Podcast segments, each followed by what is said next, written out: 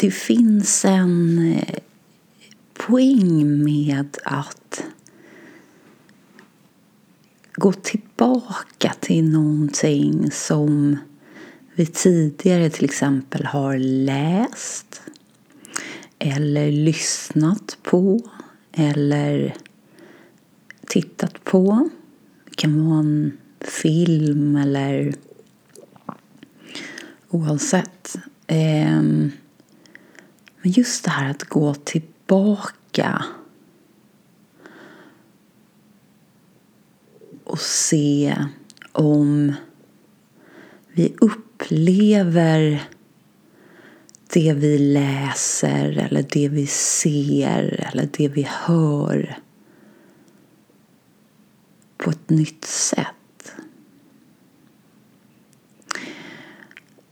Och jag tror faktiskt att ni alla kan relatera till vad jag menar här. Att om vi till exempel har läst någonting och så går det en viss så kallad tid och så går vi tillbaka och läser igen så är det ofta så att det upplevs som nya insikter kommer eller det kan upplevas som att plötsligt se eller förstå jag någonting på ett nytt sätt. Och då kan man ju fundera lite över om det var där hela tiden men jag var inte där. Till exempel. Och man kan också fundera över om vi har nått fram till det som avsändaren avsåg när han eller hon skrev någonting eller uttryckte någonting i form av att berätta någonting eller visa någonting i, i rörliga bilder.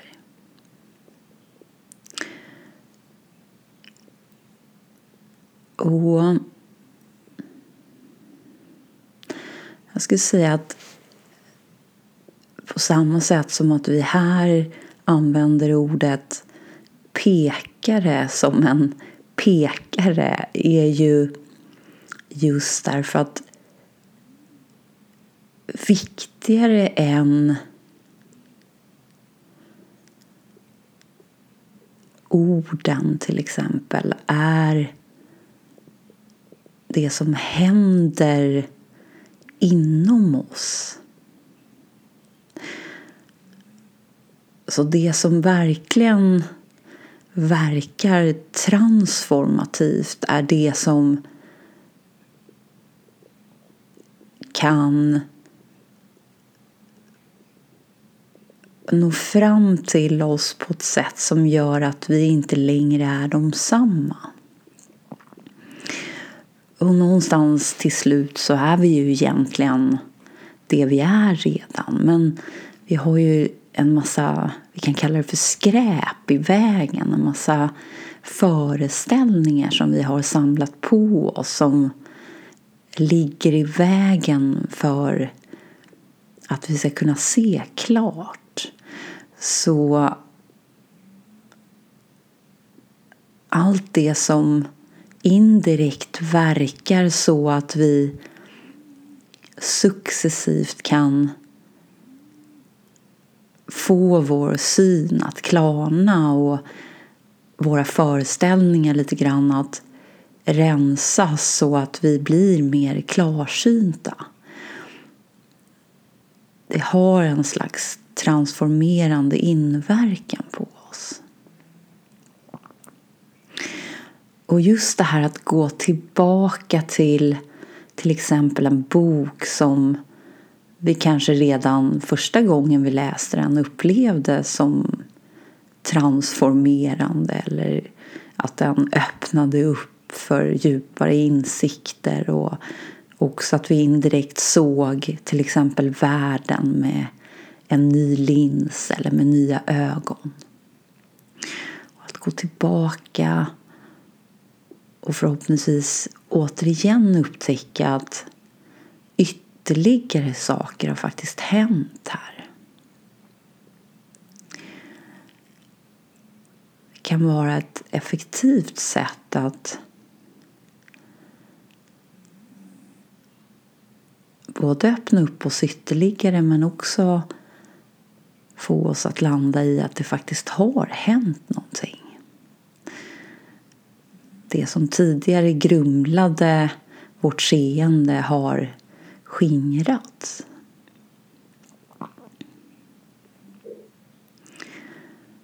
Så de allra bästa avsändarna egentligen. Är de som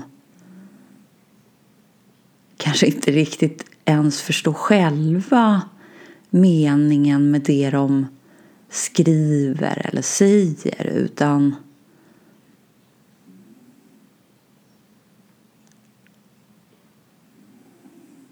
snarare än innebörden handlar det om att det som sägs eller det som skrivs har en transformerande effekt på mottagaren.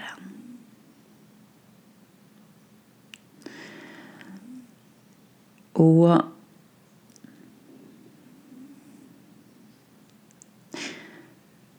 just det här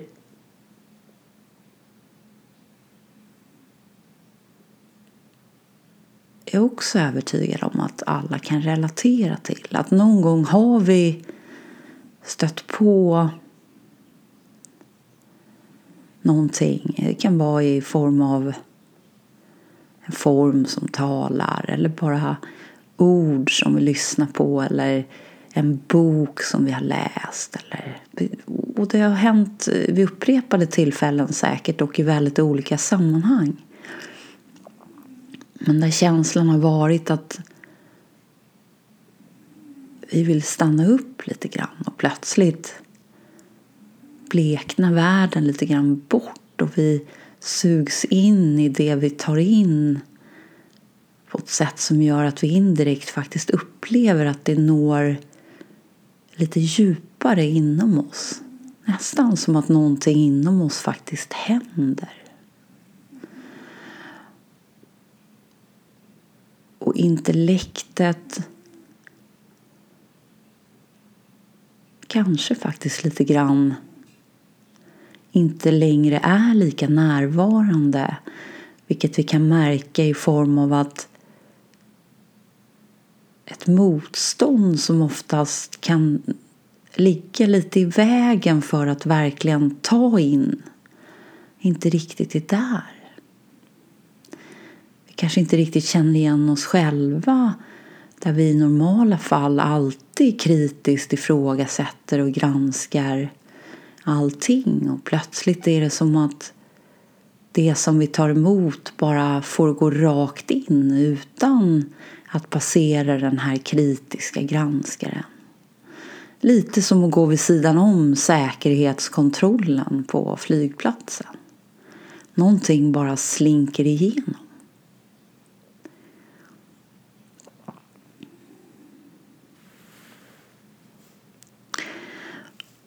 Och jag skulle ändå vilja benämna det där lite grann som att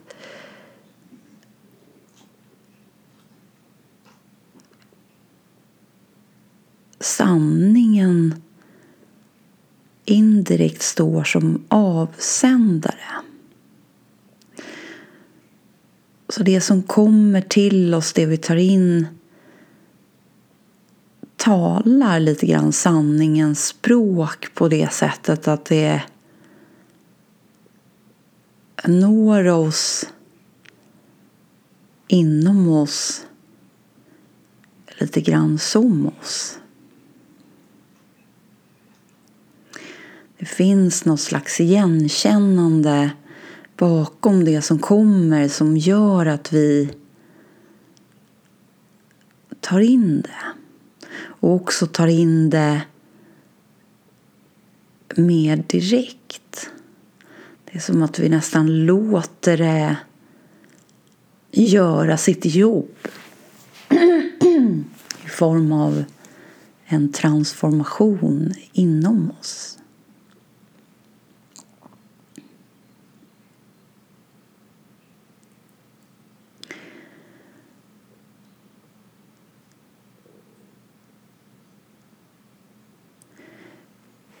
Jag eh, var väldigt dålig på att läsa färdigt böcker när jag var ung. Jag försökte många gånger men ganska snabbt så tappade jag intresset och slutade läsa. Och eh, väldigt långa perioder läste jag ingenting alls. Men det fanns en författare som av någon märklig anledning lyckades fånga mitt intresse. Och det var Jean-Paul Sartre. Och ni kanske minns eller har hört eller har läst också. Men han räknas ju då till det man brukar kalla för en existentialist. Eh, och egentligen kanske den mest kända existentialisten. Och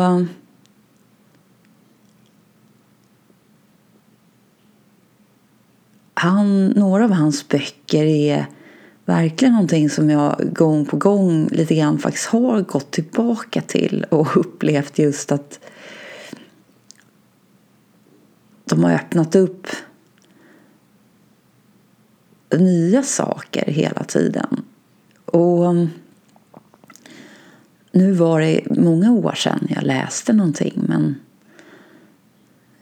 jag kände för ett tag sedan återigen att jag ville gå tillbaka till honom. Och kanske framförallt mer till hans, snarare än hans noveller och mer korta berättelser som eh, jag var mer dragen till när jag var yngre. Det var egentligen det jag läste. Så kände jag att jag ville gå tillbaka till hans lite mer eh, uttalanden och skrifter som han har ställt samman utifrån sin professions perspektiv, alltså mer filosof. Och eh, det finns två stycken verk som nog är hans mest omtalade och också omdiskuterade. Och den ena det ena verket på svenska heter Varandet och intet. Och det andra, eh, Existentialismen är en humanism. Och Sartre identifierade sig som ateist. Och det fanns då några andra filosofer som kom att betraktas mer som troende existentialister. Varav ett namn som ni säkert känner till är Kierkegaard som var dansk.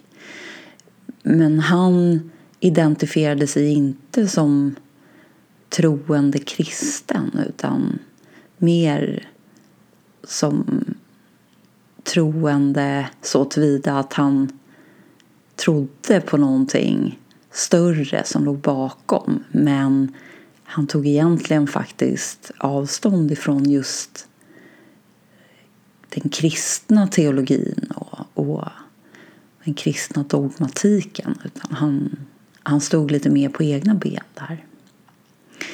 Men Sartre däremot avfärdade det som en lösning. Och han var istället uttalat ateist. Och det som är lite intressant med Sartre är att han kommer fram någonstans till att människan, vi egentligen inte är någonting. Vi, vi är ett ingenting. Eh, och han kommer också fram till att det här inget tinget är det han också kallar för ett varande. Så han konstaterar någonstans att vi är egentligen inte ett någonting eller vi är ingenting eller ett ingenting, ett varande. Och sen konstaterar han någonstans att det existerar ting som han då relaterar till världen som han på något sätt kommer fram till ändå är åtskilda oss eller existerar på något sätt utanför oss, bortom oss. Men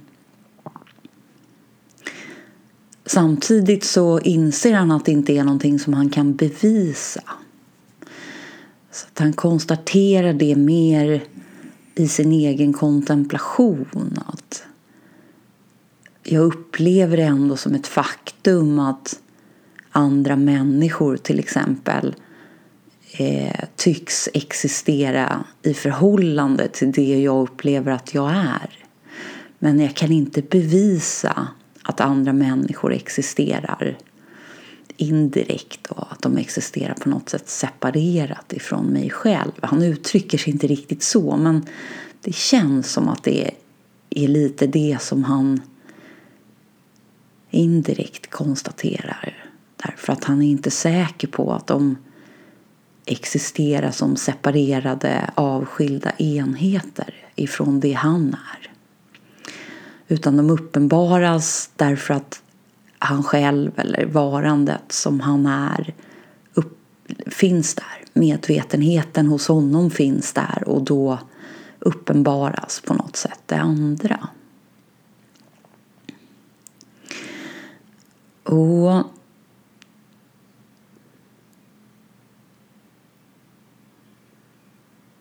han gör en distinktion mellan det rena varandet och varandet som skapar sig själv i det han kallar för världen. Och där säger han lite grann att först är vi ingenting och sen blir vi någonting i världen.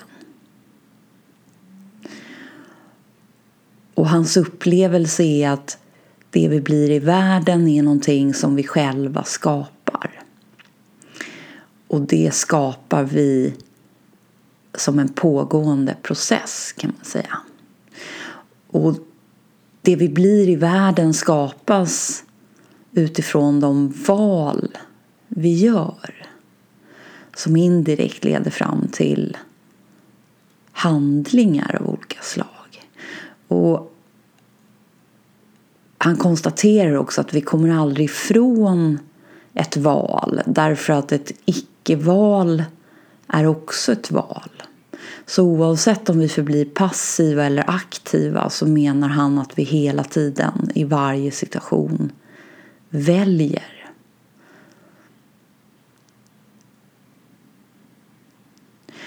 Och han konstaterar också att människan är fri och den här friheten upplevde inte Sartre som enbart en positiv frihet utan han kallade det lite grann för att vi är dömda till frihet. Och det är då kopplat till just att det är upp till oss. Vi kan inte lägga ansvaret på någon annan utan det är vi som hela tiden genom att förbli aktiva eller passiva i våra val faktiskt indirekt hela tiden väljer och därmed skapar det vi någonstans då blir från att det egentligen inte har varit någonting i världen. Så vi är fria men vi är också dömda till frihet så tillvida att det är fullkomligt och fullständigt vårt ansvar. Så verkligen det här freedom comes with a price. Och, och så säger han en annan sak som kan kännas lite märkligt. Man hade nästan velat fråga honom om definitionerna, hur han tolkar orden. Därför att pekarna blir lite bakvända nästan. Men han säger att existensen föregår essensen. Det vill säga först existerar vi på något sätt i någon form eller ingen form och sen skapar vi vår essens. Så förmodligen kopplar han essens till någonting som faktiskt går att ta på på något sätt. Och det kanske inte går att ta på för att det består av materia utan mer, mer att det finns någon substans där på något sätt som kan beskrivas i någon form. Så existensen får vi då kanske då eh, på något sätt koppla till det rena varandet. Eh, det, det han kallar för ingenting eller ingenting. Och essensen däremot blir mer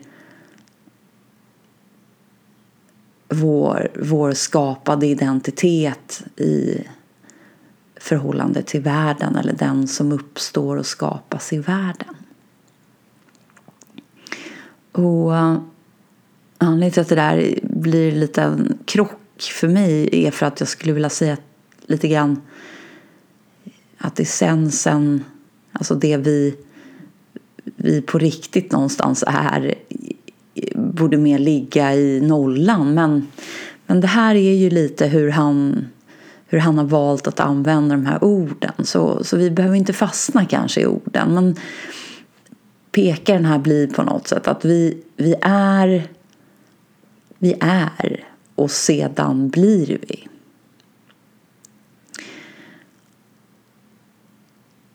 Och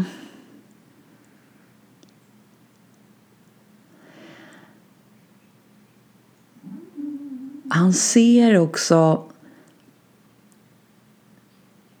lite grann målet och syftet som att vi ska bli i världen. Därför att han konstaterar någonstans att det här ingentinget som vi är det är ju ingenting. Så att för att på något sätt åstadkomma någonting av värde så behöver vi skapa oss själva. Vi behöver bygga upp någonting, bli någonting som vi då indirekt åstadkommer genom att interagera i världen. Och det här är ju någonting som jag känner att jag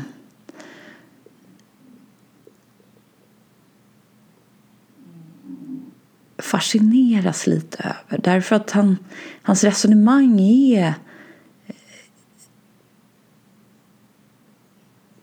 det känns verkligen att han har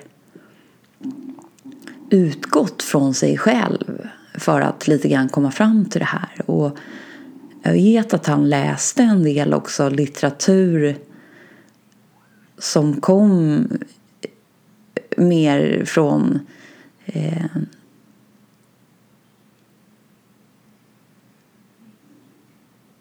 Indien och, och Asien. Så han har ju någonstans bekantat sig med begreppen medvetande och eh, läst lite om det. Så att det, någonting har ju kanske då eventuellt triggat igång en djupare kontemplation. Men, men det känns ändå när man läser det han skriver att han också själv verkligen kan relatera till det han kommer fram till. Så att han har ju någonstans för egen del verifierat eller försökt att verifiera indirekt det han kanske då har tagit in någonstans. Och, och jag upplever att han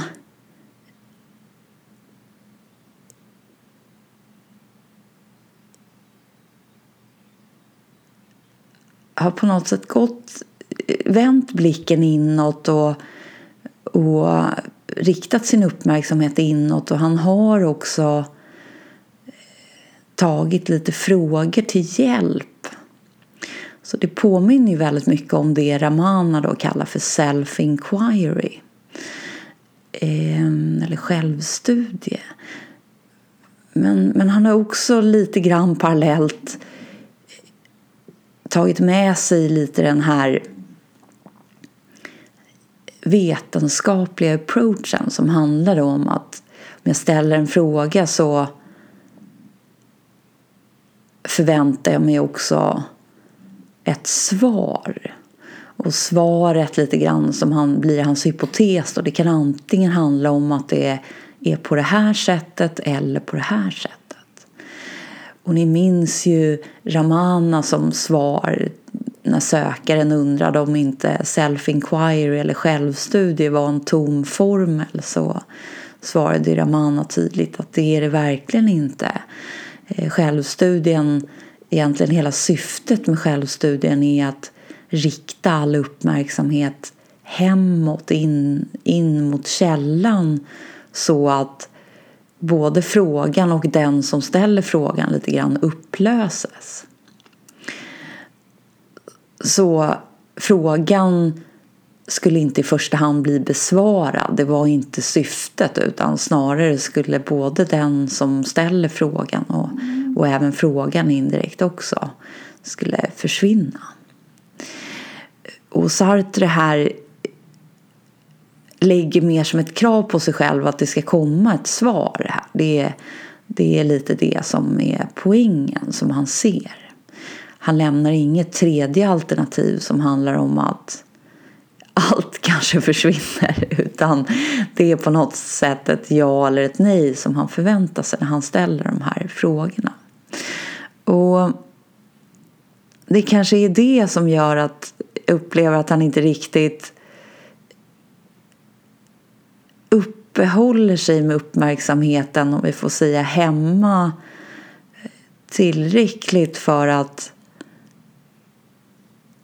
det lite grann ska få honom att skifta sitt perspektiv. Ja, det är svårt att säga men, men någonstans så står han kvar i att det vi egentligen är inte är ett någonting och därmed lite grann inte heller riktigt värt någonting i sig självt utan vi behöver skapa skapa oss själva som någonting egentligen. Så, så det blir lite, lite grann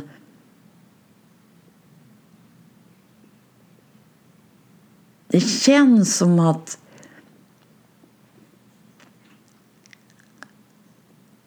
den skapade identiteten helt klart har ett finger med i spelet här Eh, den är lite grann med hela vägen i den här analysen. Eh, han kommer inte riktigt ifrån den eller han, han kan inte riktigt frigöra sig från den när han på något sätt kommer fram till det han kommer fram till. Så att indirekt så blir verkligen hans existentialism en humanism, det vill säga eh, en beskrivning av den mänskliga strukturen och hur den successivt skapas någonstans och hur den också upplever att den själv gör sina val och att den indirekt styr sina handlingar och också påverkar situationer och indirekt också andras val och andras handlingar. Det här har vi också varit inne på. Det kan verkligen upplevas som att det är vi som väljer och vi som styr och vi som handlar. Men är det verkligen så? Vi, vi har förmågan att uppleva Uppleva det så, men är det en sanning?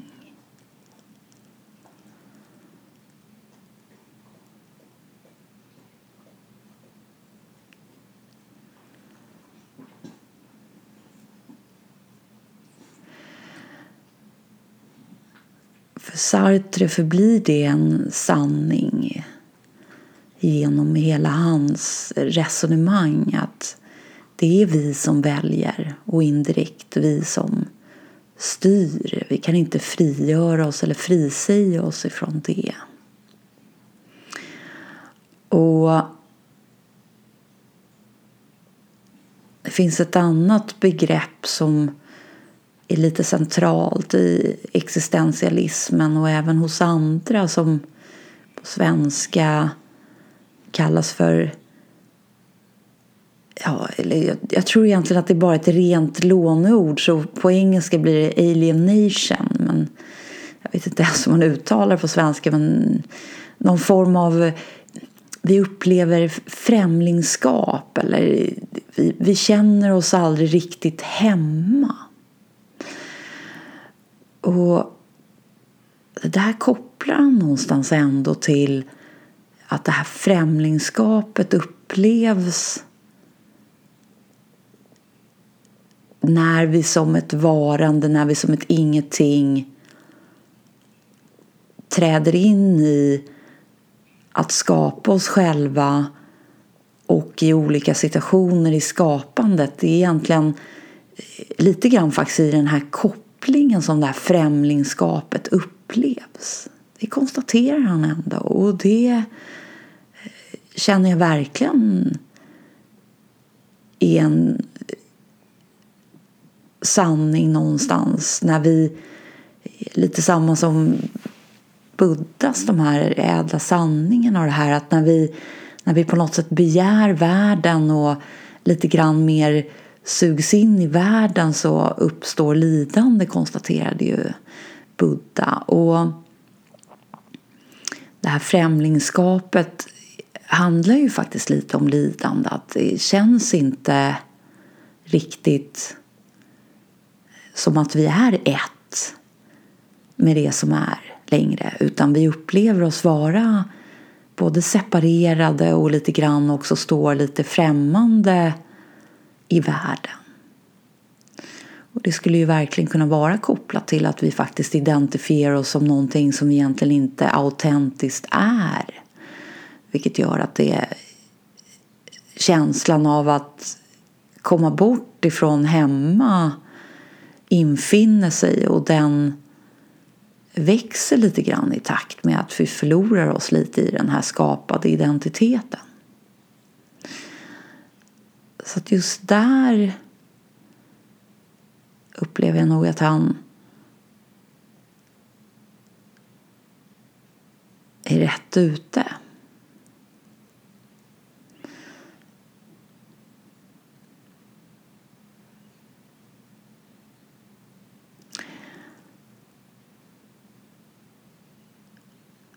Och han, som ni hör här lite grann, han, eh, hans kontemplation och hans konstateranden rör egentligen honom själv framför allt. Det han upplever sig vara och det han upplever att han kan eh, direkt konstatera. Så han lämnar världen och också hur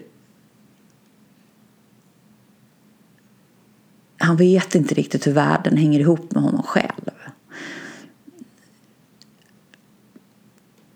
och det känns återigen som att han lämnar det också lite grann därför att det inte riktigt går att bevisa på det sättet som att han ur hans lite grann profession vill kunna bevisa saker.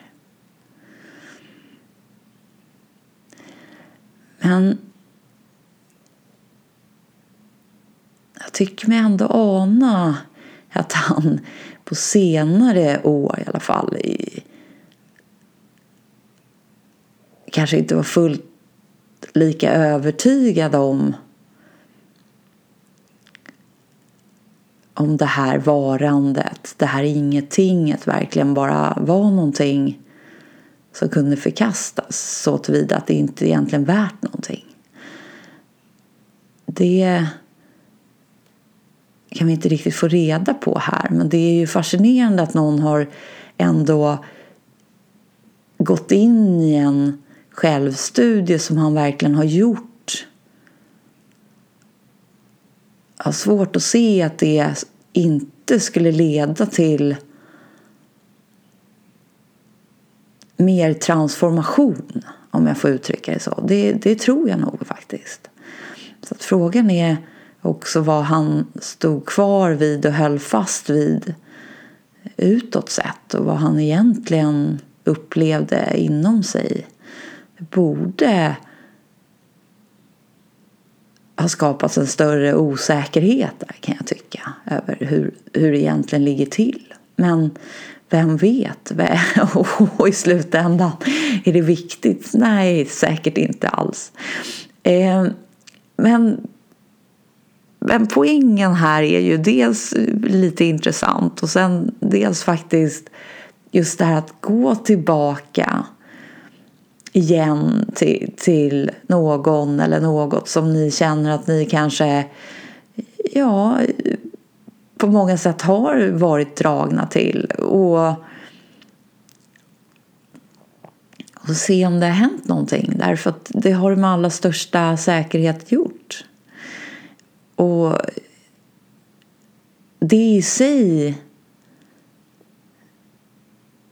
kan leda till att det faktiskt öppnar upp ännu mer. Och hur vet vi när vi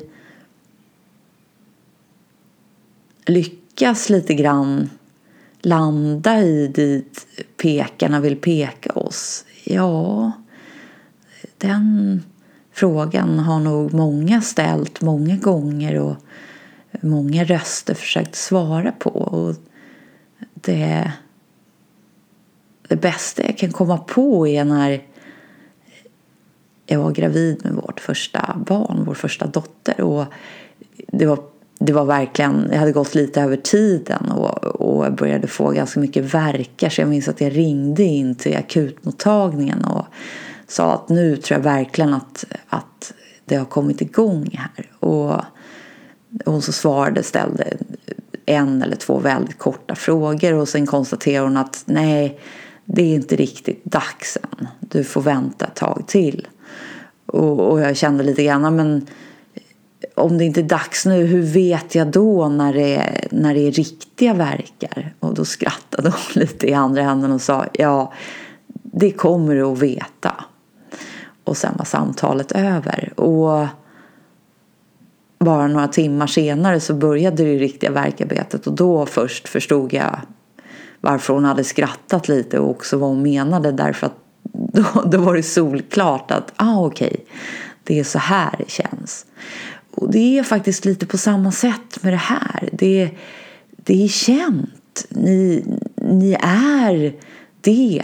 Ni kommer därifrån. Det är inget nytt som ska upptäckas här. Så hur vet vi? Det, det kommer ni att veta. Det, det, det, det, är precis på samma sätt. Det, finns inga tvivel om det. Det kanske kommer smyga sig in tankar som säger någonting annat. Som det kanske gjorde för Sartre ganska snabbt då. Och jag vet inte om han kanske följde med de tankarna tillbaka till det vi kallar för världen. Men någonstans så det, det är inget nytt och det är inget annat som ska återses eller återfinnas på något sätt. Så ni vet redan och ni kommer att fortsätta veta och den vetskapen kommer befästas mer och mer.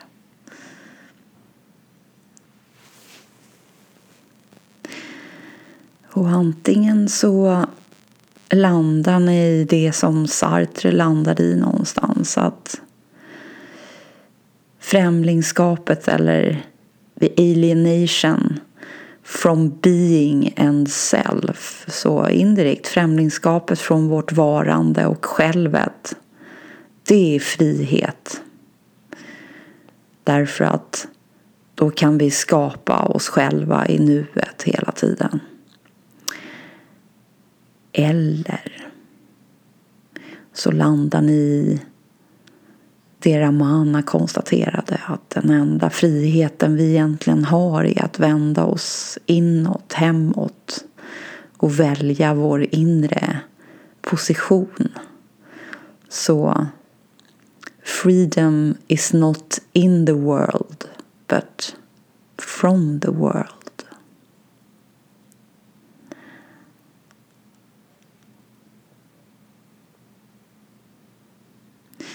Så jag säger här och jag säger också till Sartre. Sanningen är enkel. Men sökaren av sanningen är oerhört komplex.